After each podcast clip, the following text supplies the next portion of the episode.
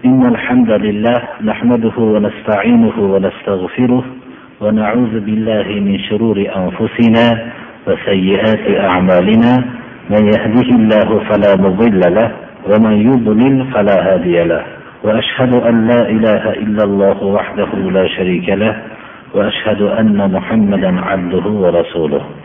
أما بعد السلام عليكم ورحمة الله وبركاته.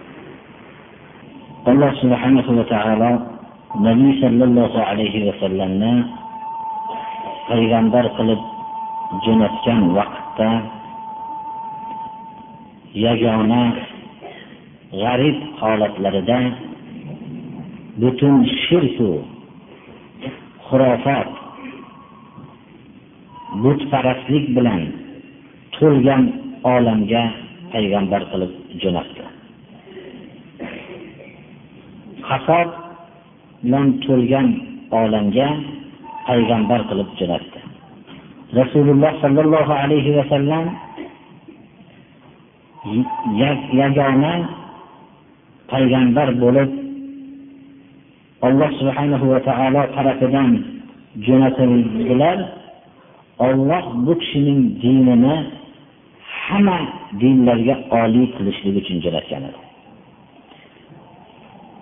Agar kishilarga muhammad alayhissalom olib kelgan yo'l yarim asrga bormasdan balki chorak asr ichida yer kurrasining yarim qismiga yaqin joylarigacha egallab dini islomni nuri shu yerlarga yetib boradi desa buni hech qaysi kishi tasdiqlamasdi xuddi u kishining davrlarida johil kishilar tasdiqlamaganga o'xshagan. Rasululloh sollallohu alayhi vasallamga toza fitrat egalaridan bir jamoa iymon keltirdi.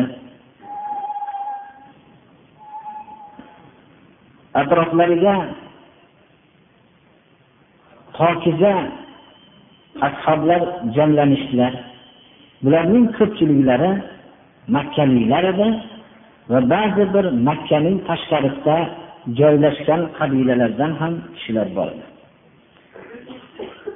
Qaysi bir iymon keltirgan kishi bo'lsa rasululloh sollallohu alayhi vasallamning atroflarida jamlangan kishilar iymon keltirgan kunidan g'arib bo'lishgan edilar.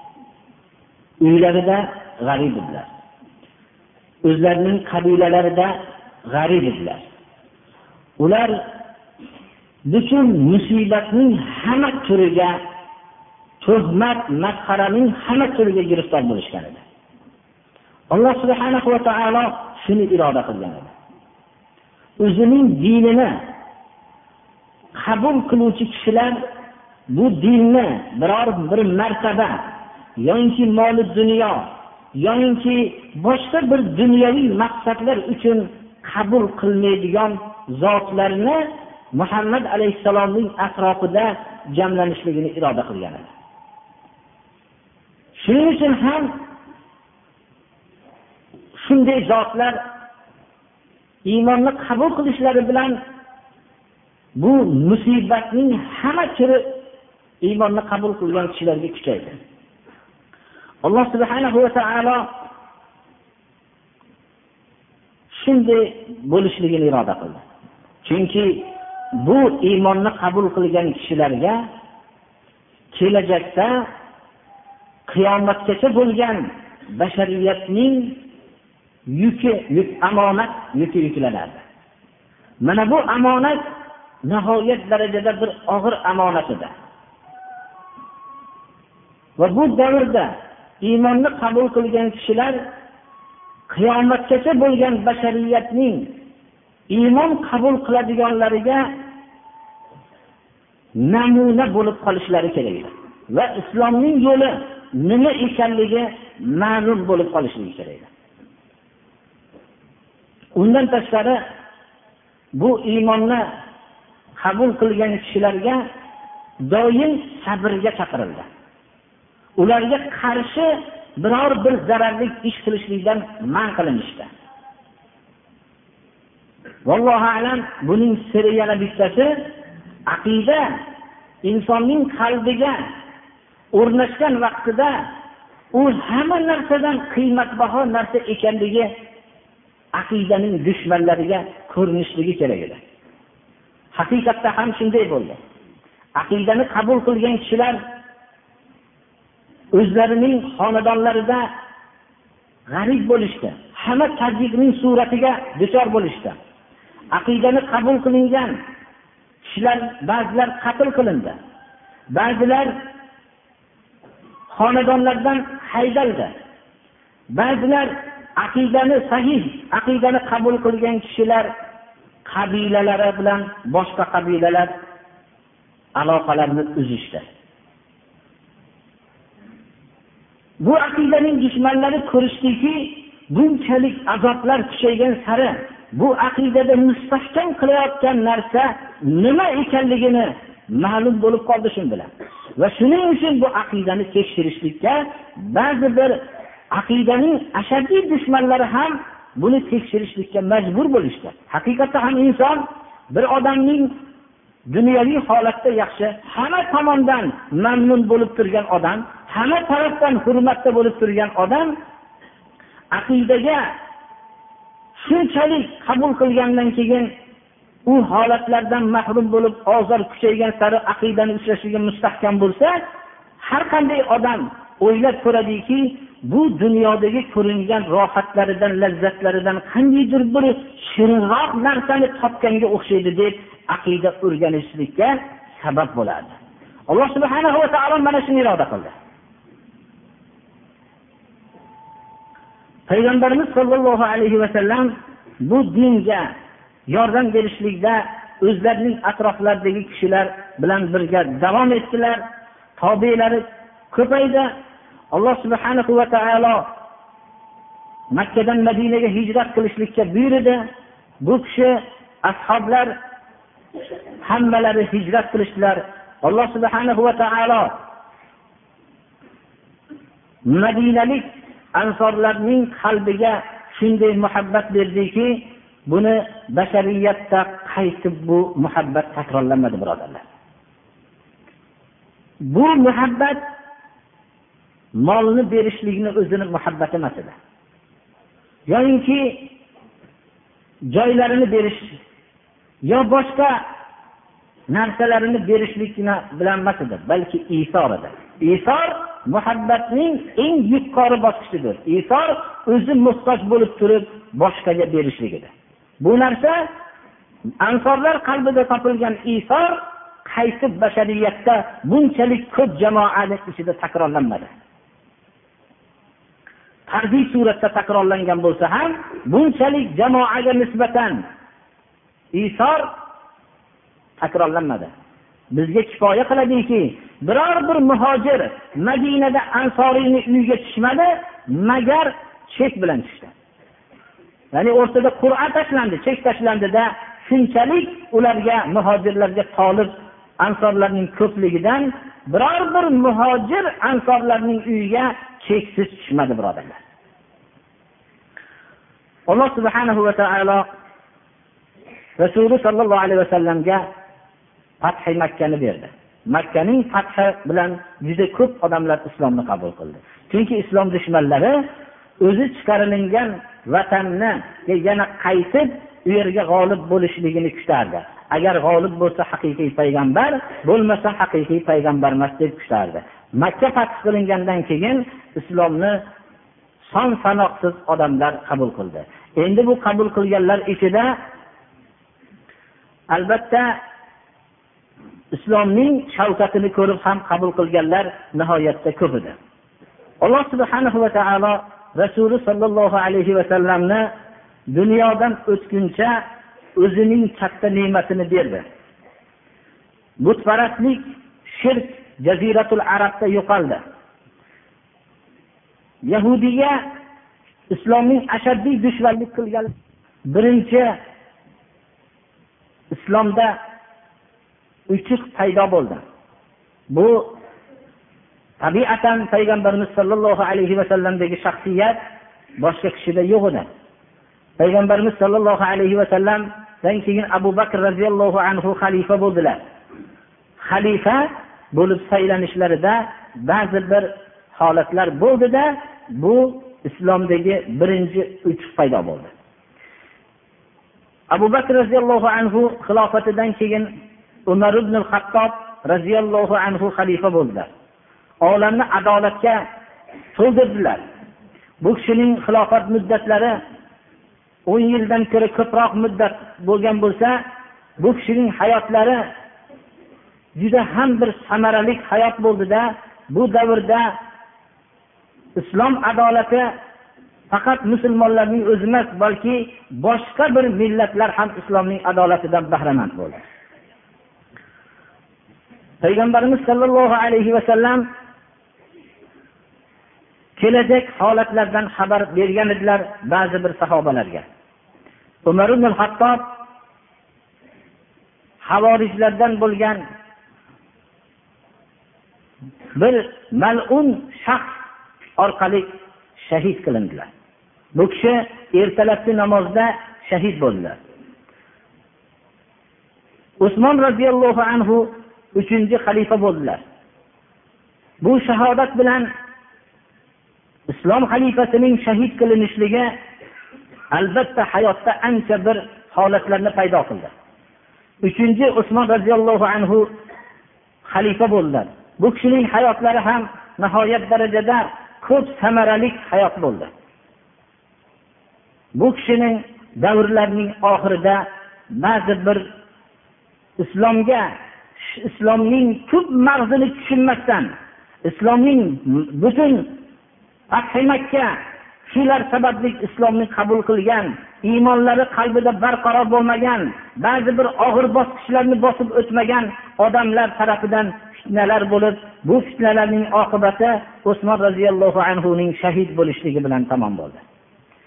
Ali ibn abi tolib roziyallohu anhu islom ummatining eng katta olimlaridan qur'on va rasululloh sollallohu alayhi vasallamning hadislariga nihoyat darajada mohir bo'lgan bu zot xalifa bo'ldilar. Xalifa bo'lishlari davrida nihoyatda og'ir kunlarda xalifa bo'ldilar. Va bu kishining oxirgi hayotlari ham shahodat bilan tamom bo'ldi. Payg'ambarimiz sollallohu alayhi vasallam o'zlaridan keyingi xilofatning o'ttiz yil davom etishligini haqiqiy xilofati roshida haqiqiy xilofatning o'ttiz yil davom etishligi bilan xabar bergan edilar. Mana bu bilan islomda ba'zi bir og'ir musibatlar paydo bo'ldi. Payg'ambarimiz sollallohu alayhi vasallam ba'zi bir sahobalarga ba'zi kelajak holatlarni bayon bergan bayon qilgan edilar. Yamoniy roziyallohu anhuga ko'p sirlarni aytgan edilar. U kishi rasululloh sollallohu alayhi vasallamning sirlari deb laqablanadilar umar ibn hattob xalifalik davrlarida ba'zi bir fitnalardan so'radilar. So'raganlarida kishining moli va o'zidagi fitna moliga aldanish fitnalarini gapirganlarida men umumiy katta fitnalar haqida rasululloh sollallohu alayhi vasallamdan nimani eshitgansiz? deganlarida u kishi bundan xabar berdilar. Fitnaning darvozasi fitnaning oldida darvoza bor dedilar. Shunda darvoza ochiladimi sindiriladimi dedilar. Umar ibn hattob so'raganlarida yamoniy darvoza sindiriladi dedi. Bo'lmasam u darvoza sindirilsa bekilmaslikka loyiq dedilar. Bu narsa umar ibn hattobning shahid bo'lishlariga ishora edi. Darvoza umar ibn hattob edilar. Darvoza bekik ya'ni umar ibn siz turibsiz fitnalarga yo'l qo'ymasdan turibsiz. Siz darvoza sindiriladimi deganda keyin bu kishi shahid bo'lganlaridan keyin ashoblar so'rashdilarki darvozani kimligini umar ibn hattob bilarmidilar shu so'zingiz deganlarda ya'ni kechagi kunning o'tganligi qancha aniq bo'lsa umarga shunchalik aniq edi bu so'z deganlar. Payg'ambarimiz sollallohu alayhi vasallam o'zlaridan keyingi holatlarni aytib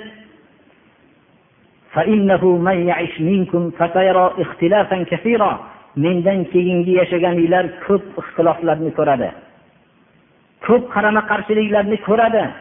Shunda mening sunnatimni oziq tishlar bilan mahkam ushlanglar deb yo'llagan edilar. Va o'zlarining sunnatlarini g'arib bo'lib qolishligiga ishoralar va ochiq so'zlar ham aytgan edilar. Bugungi darsimizda men agarki g'ariblar haqida darsimizda bir aytib o'tgan bo'lsam ham bugungi darsimizda rasululloh sollallohu alayhi vasallam g'ariblar haqida nima so'zlar aytganlar? Va ular kimlar? Va ularga qanday bashoratlar berganlar? Mana bu haqda bir ikki so'z aytmoqchimanki hozirgi vaqtda ham haqiqiy islomni ushlab sunnatni mahkam ushlagan odamlarning yana ham iymonlari mustahkam bo'lsinki va har qanday holatda ham o'zlarining iymonlarini mahkam ushlasinlarki rasululloh sollallohu alayhi vasallamning bashoratlariga sazovor bo'lishsa ajab emas.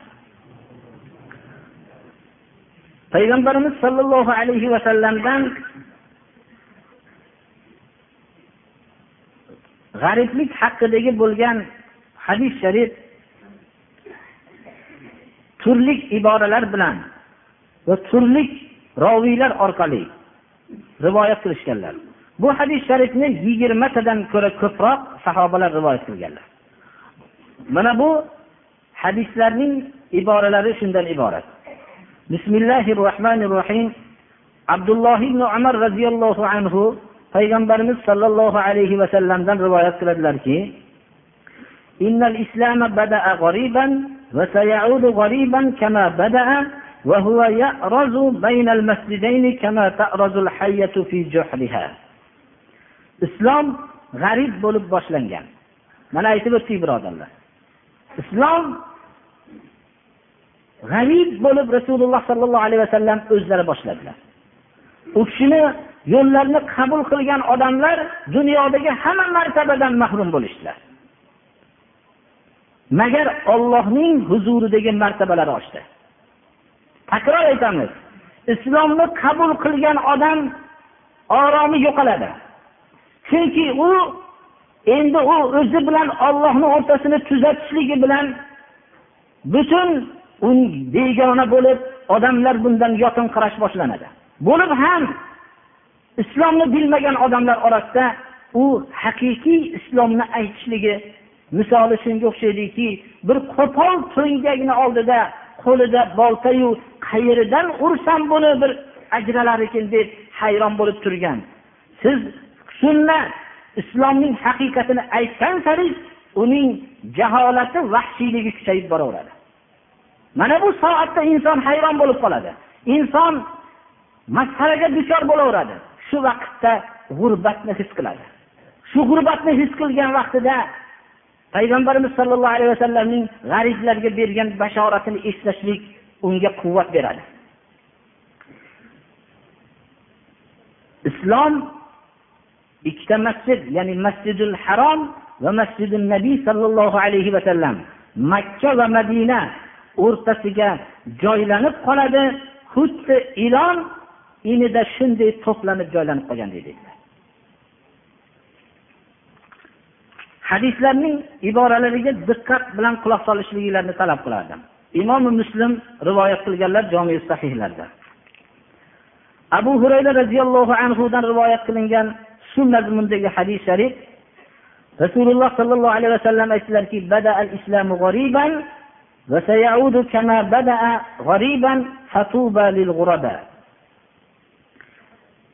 islom g'arib bo'lib boshlangan.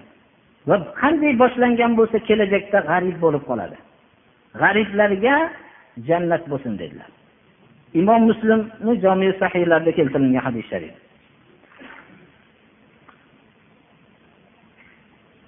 كثير بن عبد الله بن عمرو بن عوف بن زيد بن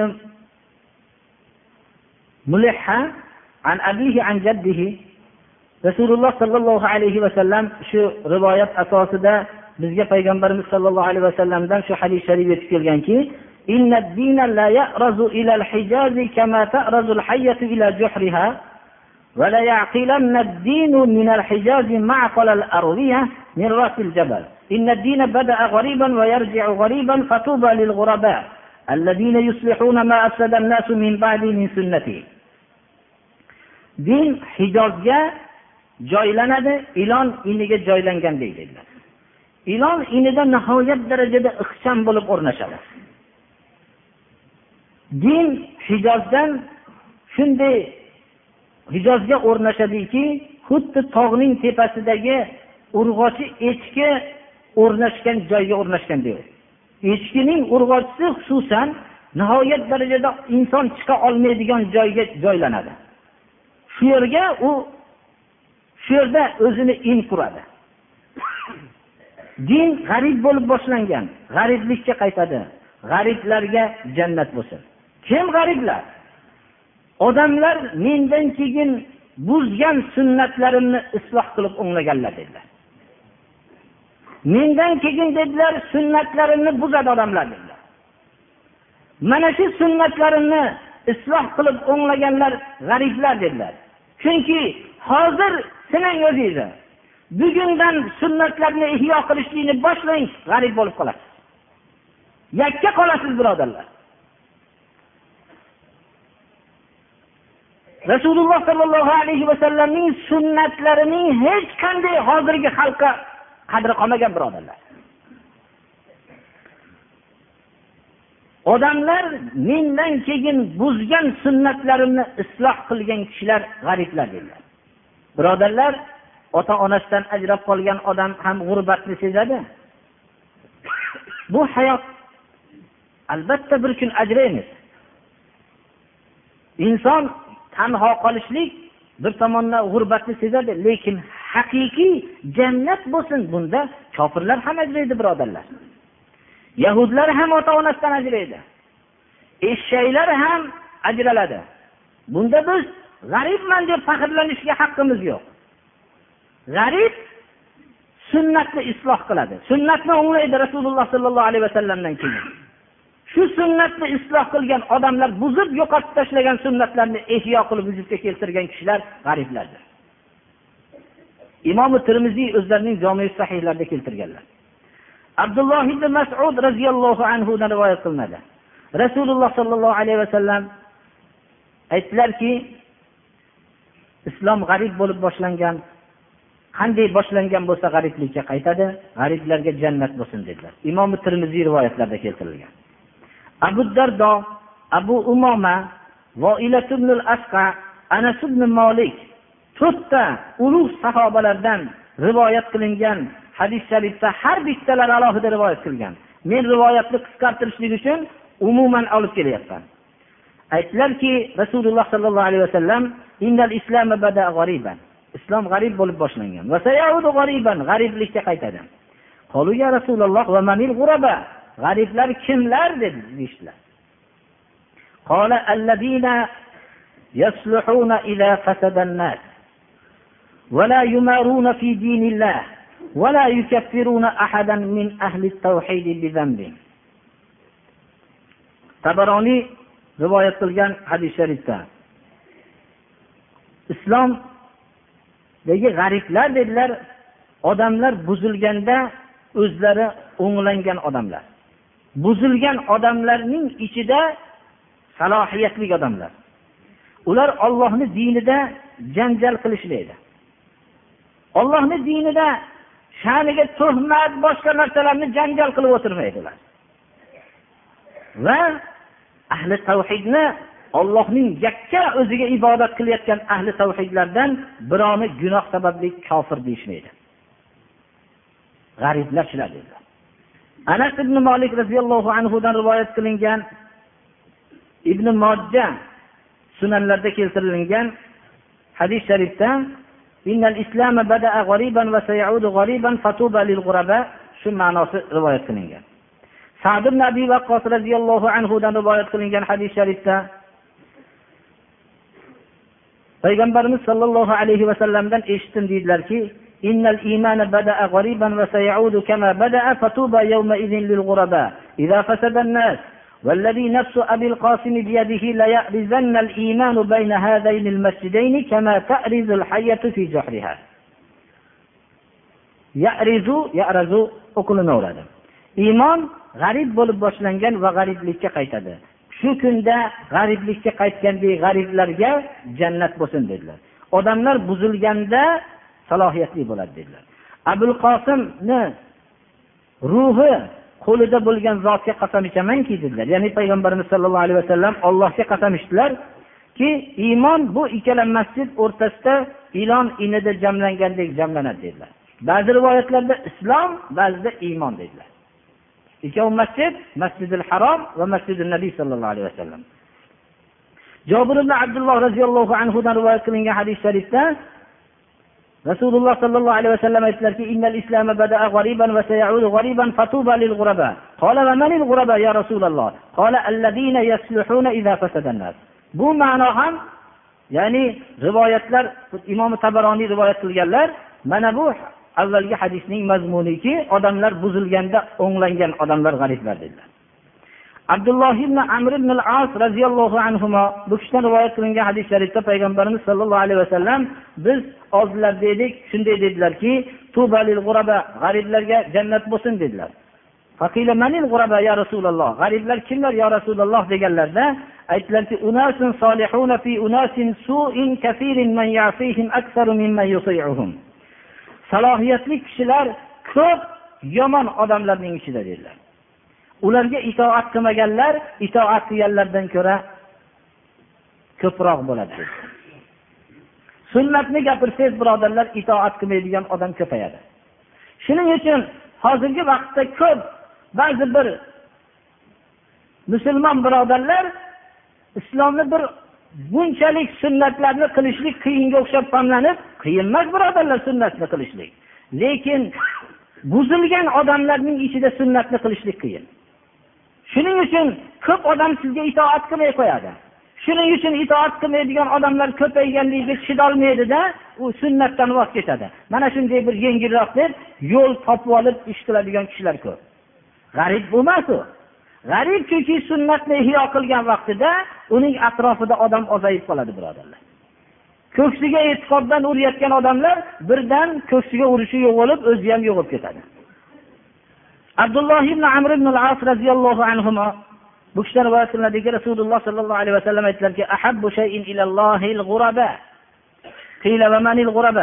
ahabbu shayin ilallohil g'uraba qila va manil g'uraba قال الفرارون بدينهم يبعثهم الله عز وجل يوم القيامة مع عيسى بن مريم عليه السلام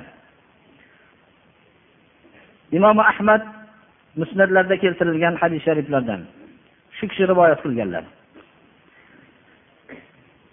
ollohga eng suyumli narsa g'ariblar dedilar g'ariblar kimlar deganlar dinlarini olib qochgan odamlar ya'ni dinini olib qochgan molini olib qochgan emas moli bilan dini turibdi birodarlar. Shunda dinini olib qochgan molini qo'yib ketavergan. Hamma narsasidan dini aziz bo'lgan odamlar. Dinini doim olib qochib yurgan. Maryam alayhissalom bilan birga mahsharda turgizadi chunki iso alayhissalom g'arib u kishi doim dinlarini olib qochib olib yurganlar. U kishi kechasi qayerga kelib kirgan bo'lsa shu yerda uxlaganlar. U kishi nihoyatda g'arib bo'lganlar. Ollohning ulug' bandasi ulug' payg'ambari. Hozirgi vaqtda nasorolar iso ibn maryamni ollohni o'g'li deb ibodat qilayotganlar u kishini quvib ularning ajdodlari quvib o'ldiraman deb quvib yurgan. Iso alayhissalom ollohning ulug' payg'ambarlaridan injil sohibi bu kishi. Boshqa hadis shariflarda ham xuddi ilon iniga joylangandek joylanishligini abdurahmon ibn sana bu kishi rivoyat qiladilarki nabiy sollallohu alayhi vasallamdan shu hadis sharifni eshitganliklarini. Bu ham musnatda imom ahmadning musnatlarida keltirilgan hadis sharif. Sahl ibn sadin soidiydan rivoyat qilingan hadis sharifda payg'ambarimiz sollallohu alayhi vasallam islom g'arib bo'lib boshlangan g'ariblikka qaytadi dedilar. G'ariblarga jannat bo'lsin. Shunda so'rashdilarki g'ariblar kimlar yo rasululloh deyishganlarda? Odamlar buzilganda salohiyatli bo'lgan kishi dedilar. Salmoni forsiy roziyallohu anhudan rivoyat qilingan hadis sharifda ham islomning g'arib bo'lib boshlanganligi va g'ariblikka qaytganligi rivoyat qilingan. Bu imom tabaroniy rivoyat qilganlar. Abdulloh ibn abbos roziyallohu anhudan rivoyat qilingan hadis sharifda ham ko'p kishi mazmun rivoyat qilingan. Bu kishi haysamiy mujma majmalarda zikr qilganlar. Abu said al hudriy roziyallohu anhudan rivoyat qilingan hadisda ham ko'p kishi mazmun bo'lib bu kishi haysamiy majmada bu hadisni ham zikr qilganlar. Abu muso ashariydan rivoyat qilingan hadis sharifda la taqumu saatu hatta turval ardu daman va yakuna al islamu g'ariban qiyomat bo'lmaydi dedilar. Yer qon bilan serob qilinguncha dedilar. Ya'ni qiyomatga yaqin shunday janglar urushlarning ko'p bo'lishligini xabarini berdilar va islom g'arib bo'ladi qiyomat bo'ladi dedilar. Bilol ibn mirdosil fizoriy rivoyat qilgan hadis sharifda ham islomning g'arib bo'lib boshlanganligi mazmunida hadis keltirilgan. Buni imom buxoriy o'zlarini tarixlarida zikr qilganlar. Bakr ibn amrin muasiriydan rivoyat qilinadiki rasululloh sollallohu alayhi vasallam tuba lil g'uraba dedilar. G'ariblarga jannat bo'lsin dedilar. Va g'ariblarning sifatini aytib qo'ydilar.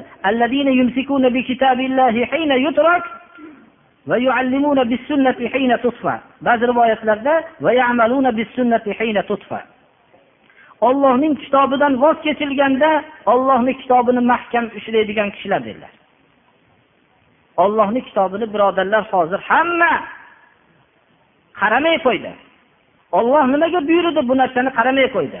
Shunda ollohni kitobini mahkam ushlashadi ahli qur'onlar ya'ni qur'onni mahkam ushlaganlar sunnatni odamlarga o'rgatishadilar sunnatning nurini o'chirilganda. Yoyinki boshqa rivoyatda sunnatga amal qilishadilar sunnatning nuri yo'qolib qolganda. Ya'ni odamlar sunnatni esdan chiqarganda. Men shu yerda payg'ambarimiz sollallohu alayhi vasallamdan abdulloh ibn amr ibn as mana bu joyda rivoyat qilyaptilarki ya'ni allohga eng suyumli narsa g'ariblar deyilyapti. G'ariblarni alloh subhana va taolo yaxshi ko'rishligini aytilyapti. Nima uchun?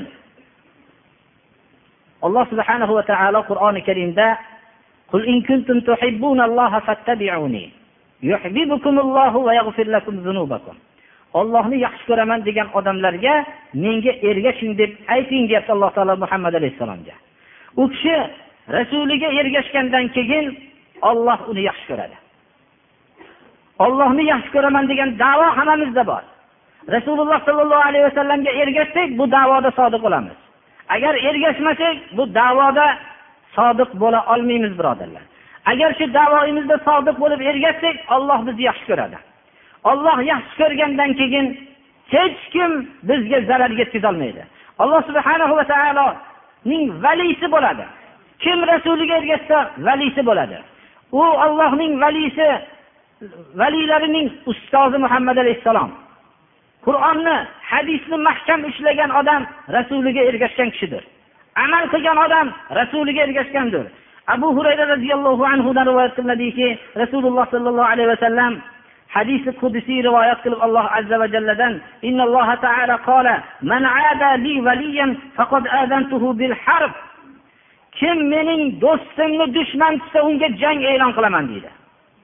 Agar bir kishi ollohni yaxshi ko'raman deb davo qilib rasuliga mustahkam ergashsa olloh unga jang e'lon qiladi agar u bilan jang qilgan odamga. Ya'ni ollohning do'stiga kim dushmanlik qiladigan bo'lsa olloh u unga jang e'lon qiladi. Demak biz birinchi dushman bizni mag'lub bo'lishligini xohlasak biz rasuliga ergashmoqligimiz kerak. Har bir amalda rasuliga ergashmoqlik kerak. Allohning himoyasiga o'tamiz birodarlar. Undan tashqari kishi odamlar o'rtasida bir muhabbat qozonishlikni ba'zi vaqtda xohlaydi. Albatta ollohning mo'min bandalarining muhabbat qilishligi sizga bir buni orzu qilishlik ayb emas. Lekin bu muhabbat odamlarning muhabbatini qozonishlikni yagona bitta yo'li bor. Agar inson odamlarning ko'nglini olib muhabbat qozonaman desa to'qson kun xursand qilib bir kun beparvo bo'lib qolsangiz shu kuni sizdan xato bo'ladi. Insonlarning muhabbatini insonlarga qarab turib ularning roziligi orqasi bilan olib bo'lmaydi birodarlar. Abu hurayra roziyallohu anhudan rivoyat qilinadiki payg'ambarimiz sollallohu alayhi vasallam aytdilarki نادى جبريل إن الله تعالى يحب فلانا فأحببه فيحبه جبريل فينادي في أهل السماء إن الله يحب فلانا فأحبه فيحبه أهل السماء ثم يوضع له القبول في الأرض متفق عليه حديث شريف alloh taolo bir bandani yaxshi ko'rsa jibril alayhissalomga nido qiladi olloh falonchini yaxshi ko'radi deb nido qiladi siz ham yaxshi ko'ring deydi jibril alayhissalom uni yaxshi ko'radi Va osmon ahliga nido qiladiki alloh taolo falonchini yaxshi ko'rdi hammanglar yaxshi ko'ringlar deydi. Osmon ahli yaxshi ko'radi keyin yerda qabuliyat vujudga keladi. Demak yerdagi odamlarga maqbul bo'lishlik uchun olloh yaxshi ko'rishligi kerak birinchi. Ollohni yaxshi ko'rishlik uchun nima qilishimiz kerak?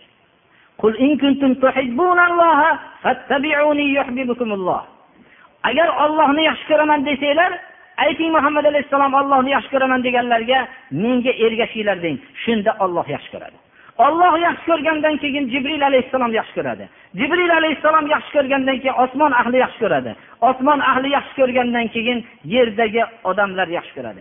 Demak rasuliga ergashish tamomiy yer kurrasida muhabbatga erishishlikdir bu hayotdagi tajriba sahoba roziyallohu anhu ajmainni hamma odamlar qiyomatgacha duo qilishadi. Rasululloh sollallohu alayhi vasallamga ular ergashgan edilar. Ular ergashib moli davlatlardan voz kechib madinaga hijrat qilishdilar. Ular rasuliga ergashib hamma vujudlari bilan ergashgan edi alloh subhana va taolo ularning qalbiga rasulining muhabbatini hamma narsaning muhabbatidan afzal qilgan edi. Ular payg'ambarimiz sollallohu alayhi vasallamning hatto jannatda birga bo'lolmaslikni o'ylashib o'zgarib qolishardilar. Chunki u kishining martabalari baland deb bizning martabalarimiz past deb shunchalik muhabbat qilishardilar. So'zlarini eshitishganlaridan keyin quvonishdilar. Kim bir qavmni yaxshi ko'rsa ularning jamoasida mahsharda turadi dedilar. Dedilar kishi yaxshi ko'rgani bilan dedilar. Alloh subhanahu va taolo والسابقون الأولون من المهاجرين والأنصار والذين اتبعوهم بإحسان رضي الله عنهم ورضوا عنه birinchi muhojirlar makkadan madinaga hijrat qilganlar ularning qabul qilib olgan ansorlar va ularga qiyomatgacha ehson ya'ni ollohni ko'rib turgandek yo olloh ko'rib turibdi degan e'tiqoddek e'tiqod bilan ularga ergashgan kishilar olloh ulardan rozi bo'ldi. Ular ollohdan rozi bo'ldi bo'lishdi. Ya'ni demak rasululloh sollallohu alayhi vasallamga ergashishlikka buyurilyapti. Va shu bilan birga zamiri birinchi muhojirlarga makkadagi muhojirlarga ansorlarga ergashganlarga alloh subhanahu va taolo o'zining rizosini va'da qilyapti va ular ollohdan rozi bo'lishadi deb olloh va'da qilyapti. Demak bir ollohning muhabbatiga sazovor bo'lish bu odamlarning muhabbatiga ham sazovor bo'lishdir. Qiyomatgacha sahobalarning haqqiga duo qilib o'tamiz. Bu nimaning natijasi? Ular ollohning muhabbatiga sazovor bo'lishgan. Ammo bir kishi odamni rozi qilaman deb turib odamlarni ko'nglini olaman deb ollohni buyrug'ini tark qilsa ollohni g'azabini keltirsa olloh unga shu odamlarni g'azablanadigan qilib qo'yadi deydi. Mana hayotda ko'ring birovni ko'nglini olaman deb shariatdan chiqing yashini. Nauzubillah. Shu kishini ko'nglini olaman deb shariatga xilof ishni qilgan bo'lsangiz olloh sizga ana shu odamni g'azablantirib qo'yadi. Mana bu narsani biz bilmoqligimiz kerakki birinchi ollohni muhabbatiga sadovor bo'lsak ollohning himoyasiga kiramiz birodarlar. Mana bu sufyoni savriy ya'ni sufyoni savriy rahimaulloh bu kishi tobiinlardan muhaddis ulamolardan bu kishi aytgan ekanlarki ahli sunna ya'ni rasululloh sollallohu alayhi vasallamning sunnatlariga amal qilgan kishilarga yaxshi qilinglar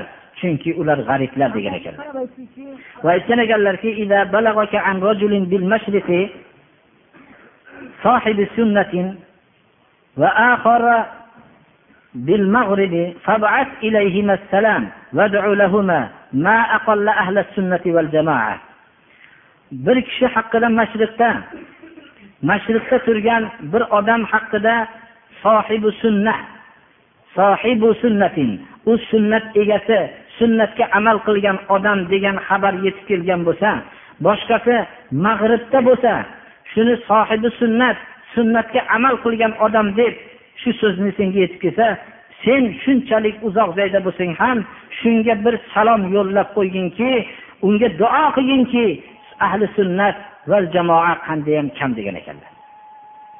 Biz jamoalar bor birodarlar. Ko'pchilik mana masjidlarda jamoatlar bor. Lekin avval ahli sunna sunnat ahli bo'lishi kerak. Va sunnat ahlidan jamoa tashkil bo'lishi kerak. Mana shu narsa alloh subhana va taoloning g'arib jamoasi va shu madadini beradigan jamoadir. Hozirgi vaqtda masjidlarda shunday juda ko'p jamoalar bor lekin ular ahli jamoa faqat ahli sunna emas birodarlar. Avval ahli sunna bo'lib turib shundan keyin ahli sunnatdan jamoa tashkil topish kerak. Shunda allohning madadi shularda bo'ladi. Biz mana bu haqda nihoyat darajada ko'p shu so'zni takrorlab bilmoqligimiz kerak. G'ariblik ba'zi turlariga ishora qilib o'taman. Birinchi shariatning ba'zi yo'llari g'arib bo'lib qoladi. Odamlarga notanish bo'lib qoladi. Ma'rufga buyurish munkardan qaytarish hozirgi vaqtda g'arib bo'lib qolgan birodarlar. Ma'ruf nima? Shariatning buyurgan ishlari. Munkar nima? Shariat qaytargan narsalar. Shariat buyurgan narsaga buyurish shariat qaytargan narsadan qaytarish hamma turlarini biz birodarlar aytish yo'q bo'lib qolgan. Masalan o'zimizni olib ko'rsak namozga buyuriymiz ro'zaga buyuriymiz ammo shariatning boshqa holatlarini hammasini bayon qilolmaymiz birodarlar. Balki odamlar o'rtasida shariatning to'la yo'llarini bayon qilishlik g'arib bo'lib qolgan birodarlar. Masalan bir kishi shariatning bir hukmiga amal qiladi va shu bilan kifoyalanadi. Boshqa yo'lini aytsangiz u quloq solmaydi g'arib. Bir tomondan sunnatga amal qilgan ikkinchi sunnatni aytsangiz uni qabul qilmaydi birodarlar. Balki u havosiga to'g'ri kelib qolgan sunnatimizga juda amal qiladi. Mana shu o'rinda ham bizlarning diyorlarimizda juda ko'p sunnatlar g'arib bo'lib qolgan birodarlar. Ahli sunna tabiatan sunnatga amal qilgan kishilar albatta g'arib bo'lib qoladi. Ikkinchisi makonning g'aribligi islom ba'zi o'rinlarda g'aribdir birodarlar. Ko'p joyda deb aytsak xato qilmaymiz. Biror bir kishi bir diyorga borsa o'zining masjididagi bir holatni topolmaydi u yerda islom g'arib birodarlar. Ko'p joylarda ba'zi mahallalarda nihoyatda islom g'arib. Islomdan gapirsangiz boshladi yana oxiratdan gapirishni deydi. Qo'rqitorasanmi bizni deydi. Ular hech islomning qaysi hukmini aytsangiz tushunmaydi. Islom ba'zi o'rinda gapirsangiz tushunadigan odamni bo'lishligi bu juda baxt saodat birodarlar. Ba'zi joylarda islomni gapirsangiz islom bu yerda g'arib. Zamonning g'aribligi. Ba'zi davrlarda islom g'arib bo'ladi. Davrlar o'tishligi bilan islomni odamlar tushunib ham qoladi. O'tgan ba'zi ulamolarimizni alloh rahmat qilsin haqiqat bilan sunnatga amal qilib o'tgan ba'zi ulamolar shu zamonlarda juda g'arib bo'lishdilar. Haqiqatni bayon qilishlariga hech bir qabul qilmagan odamlar bilan birga yashashdi. Alloh subhana va taoloning rahmati bo'lsin ularga. Mana payg'ambarimiz sollallohu alayhi vasallam merosga chiqqanimda ba'zi payg'ambarlarni ko'rdimki ummatlari oz ba'zilarnikini ko'rdim nihoyatda barmoq bilan sanaydigan. Ba'zilarnikini ko'rdim ikkita. Ba'zilarnikini ko'rdim bitta. Ba'zi payg'ambarlarning ummati yo'q payg'ambarlarni ko'rdim dedi. Shunchalik da'vat samarasida birodarlar biror bir kishi dinini da'vatini qabul qilmagan kishilar ham bo'ldi. Juda ham g'arib bo'lishdilar payg'ambarlar. Allohning rizosi bo'lsin hammalariga ular g'urbatning eng yuqori qismini ko'rib o'tishdilar. Alloh subhana va taoloning bu irodasiki ularga ergashgan odamlar o'zlarining boshlariga g'ariblik tushgan vaqtida payg'ambarlar ollohning yaqin do'stlari shunchalik g'ariblikni bosib o'tganligini ko'rib o'zining sen kimsan? Sen albatta haq yo'lda bo'lsa hech narsa boshingdan kechirmayapsan deb o'ziga taskin berishligi uchun bo'lsa kerak alloh subhana va taolo shunday iroda qildi. Undan tashqari payg'ambarlar yo'li barhaq bo'lib qoldi. Boshqalarning yo'llari hammasi yo'qolib ketdi. Yunon davlatlari ming yil hukm surdi. Ularning hozirgi vaqtdagi odamlardan bir narsa tarixidan so'ralsa hech qanday asar qolmadi. Faxrlangan abu jahllar bularning hammasi malun bo'lib tarixda qoldi. Haq yo'lda bo'lgan odamlar agarki davrida zaif bo'lgan bo'lsa ham bular kelajak davrlarda nihoyat darajada odamlarning suyumli kishilarga aylandi. Ular to'xtamasdan ko'z yoshi bilan duo qiladigan kishilarga halaf mal'un bo'lib qoldi. U kishining uni qo'lida qul bo'lib turgan bilol habashiy qiyomatgacha bo'lgan muazzillarning shayxi ustoziga aylandi. Bilol habashiyni bilmagan xonadon qolmadi birodarlar. Alloh subhanahu va taoloning izzati mana bu tarafda. Insonning boshiga tushgan g'urbat qanchalik qattiq bo'lsa olloh tarafidan beriladigan izzat ham shunchalik bo'ladi. Bu dunyoda birovning nomini esladi nimayu? Eslamadi nima? Bizni eslashligimiz bilan ular ulug' bo'lib qolmaydi. Bizning eslamasligimiz bilan ular kamayib qolmaydi. Lekin alloh subhanahu va taoloning hali mukofoti ularni kutib turibdi. Ko'plari mukofotlarning bir qismini olishdi. Ularni boshqa katta mukofotlar yana kutib turibdi. Shunday g'ariblar borki hayotda ularning nomlari ham qolmadi. Ammo alloh subhana va taoloning mezonida ular nihoyatda ulug' zotlar bo'lib qoldi. Umar ibn hattob roziyallohu anhu qodisiya fors hukmdoriga lashkar jo'natganlarda u yerdagi jang nihoyatda qattiq bo'ldi. Chunki yer yuzidagi eng katta hukmdor fors hukmdori edi. Bunga hodisiya jangi deb ataladi shunga nomon muqarrin bu kishini boshchiligida lashkar jo'natgan edilar. Borganlarida bu yerda qodisiyada ko'p voqealar bo'ldi. Qodisiya jangida hatto mana ba'zi bir og'ir shahidlar bo'ldi. Nomon muqarrin ham shahid bo'ldi. Elchi jo'natilindi. Alloh subhana va taolo islomga zafar berdida fors hukmdorligi tugatildi. Shunda payg'ambarimiz sollallohu alayhi vasallamning xalifalari umar ibn hattob juda oddiy edilar. Birov tanimasdi. Nomon ibn muqarrin shahid bo'lganligi xabarini va islomning zaqarini olib kelgan elchi kelayotganda umar ibn hattob har kuni madinaning tashqarisiga chiqib turardilar kutib shu yoqda xabar nima ekan deb. Jazirama issiqqa chidolmaydigan holatda qaytib kirib ketadilar. Shunda elchi keldi. So'radilarki nima xabar? Ey elchi deganlarda alloh subhana va taolo islomga zafar berdi. Nomon muqarrin shahid bo'ldi deganlarda bu kishi inna lillahi va inna ilayhi rojiun deb yig'ladilar. Yelkalari hatto boshlariga yetadigan darajada qattiq yig'itishdi u kishini. Shunda umar ibn hattobning xalifaligini bu elchi bilmasdi. Shunda hammalari shaharga kirishlari bilan amirul mo'minin deb salom berganlaridan keyin meni xabardor qilmabsizda amirul mo'minin deganlarda zarar yo'q dedilar.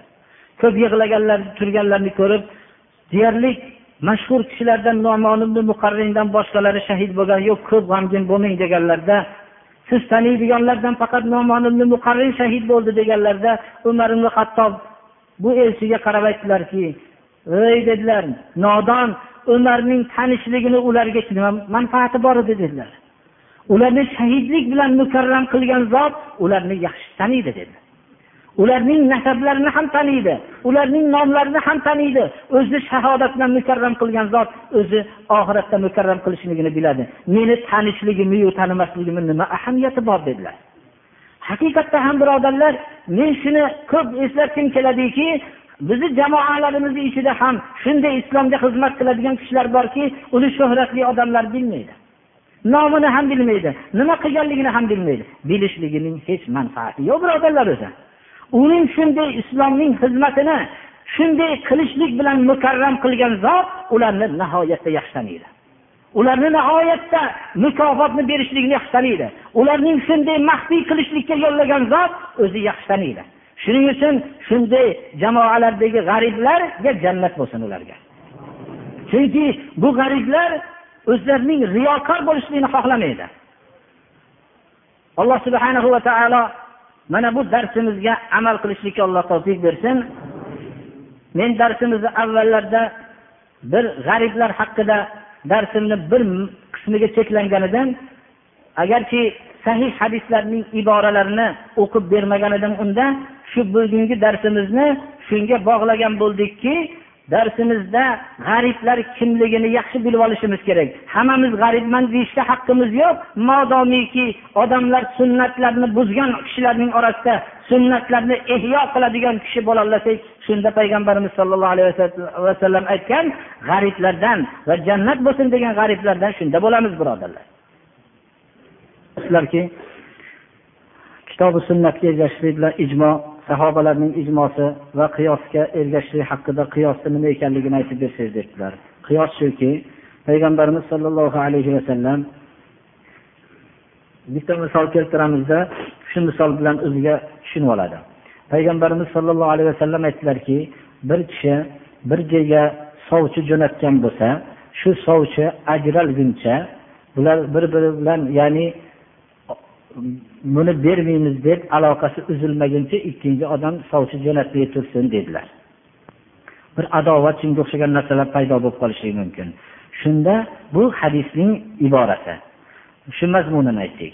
Shundan ulamolar qiyos qilib bir kishi bir narsani savdo qilib turgan bo'lsa shu to ikkovi savdoda kelishmaydigan bo'lib ajralmaguncha ikkinchi odam xardor bo'lmasin degan narsani chiqarishganlar. Mana bu qiyos bilan chiqqan bu. Qiyos mana bir biriga o'xshaydi. Taqqoslash degani. Lekin taqqoslanayotgan narsa bir o'xshashligi kerak bir biriga biz bu yerda bir kishi uzunroq xat yozibdilar. Bu qur'oni karimni hadis sharifni to'la to'kis ma'nolariga tushunadigan ilm egalari dinni haqida o'ylash o'rniga butun o'z foydasini o'ylab tijoratga berilib ketishgan deb gapiryaptilar.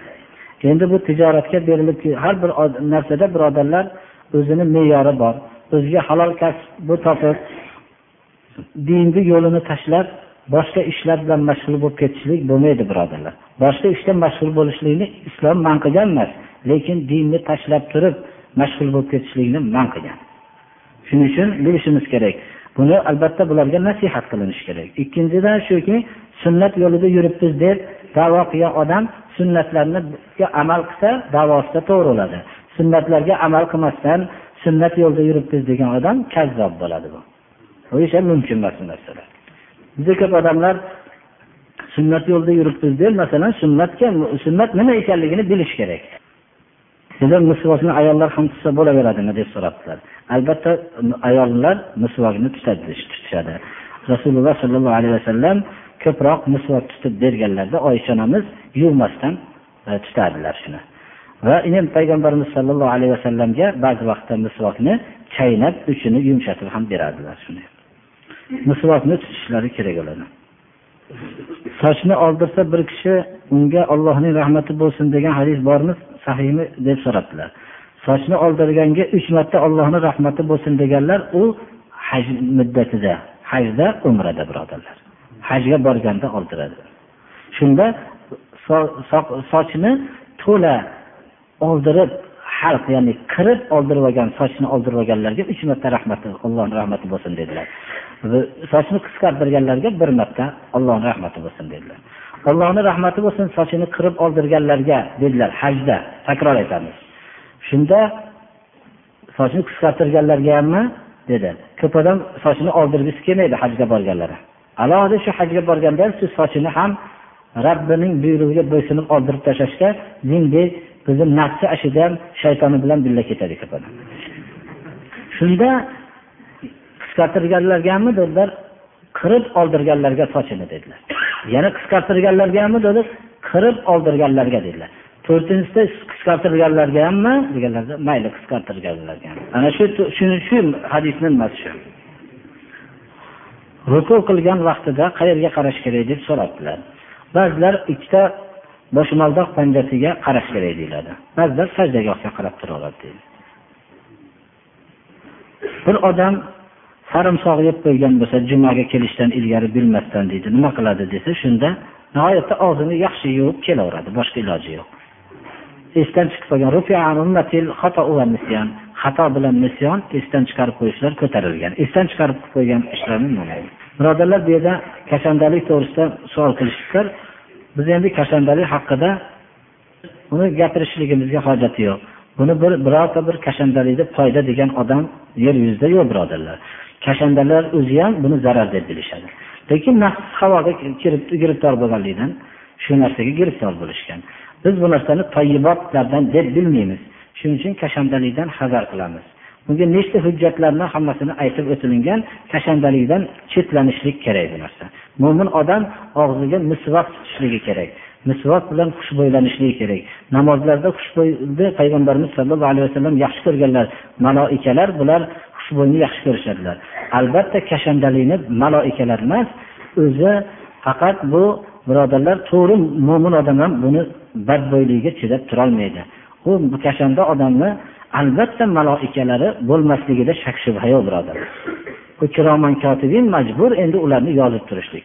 Surma haqida so'rabdilar surma albatta surma qo'yganlar payg'ambarimiz sallallohu alayhi vasallam bular sunnati zavoidlardan. Bir odam oxiratga surma qo'ymay borsa javob bermaydi.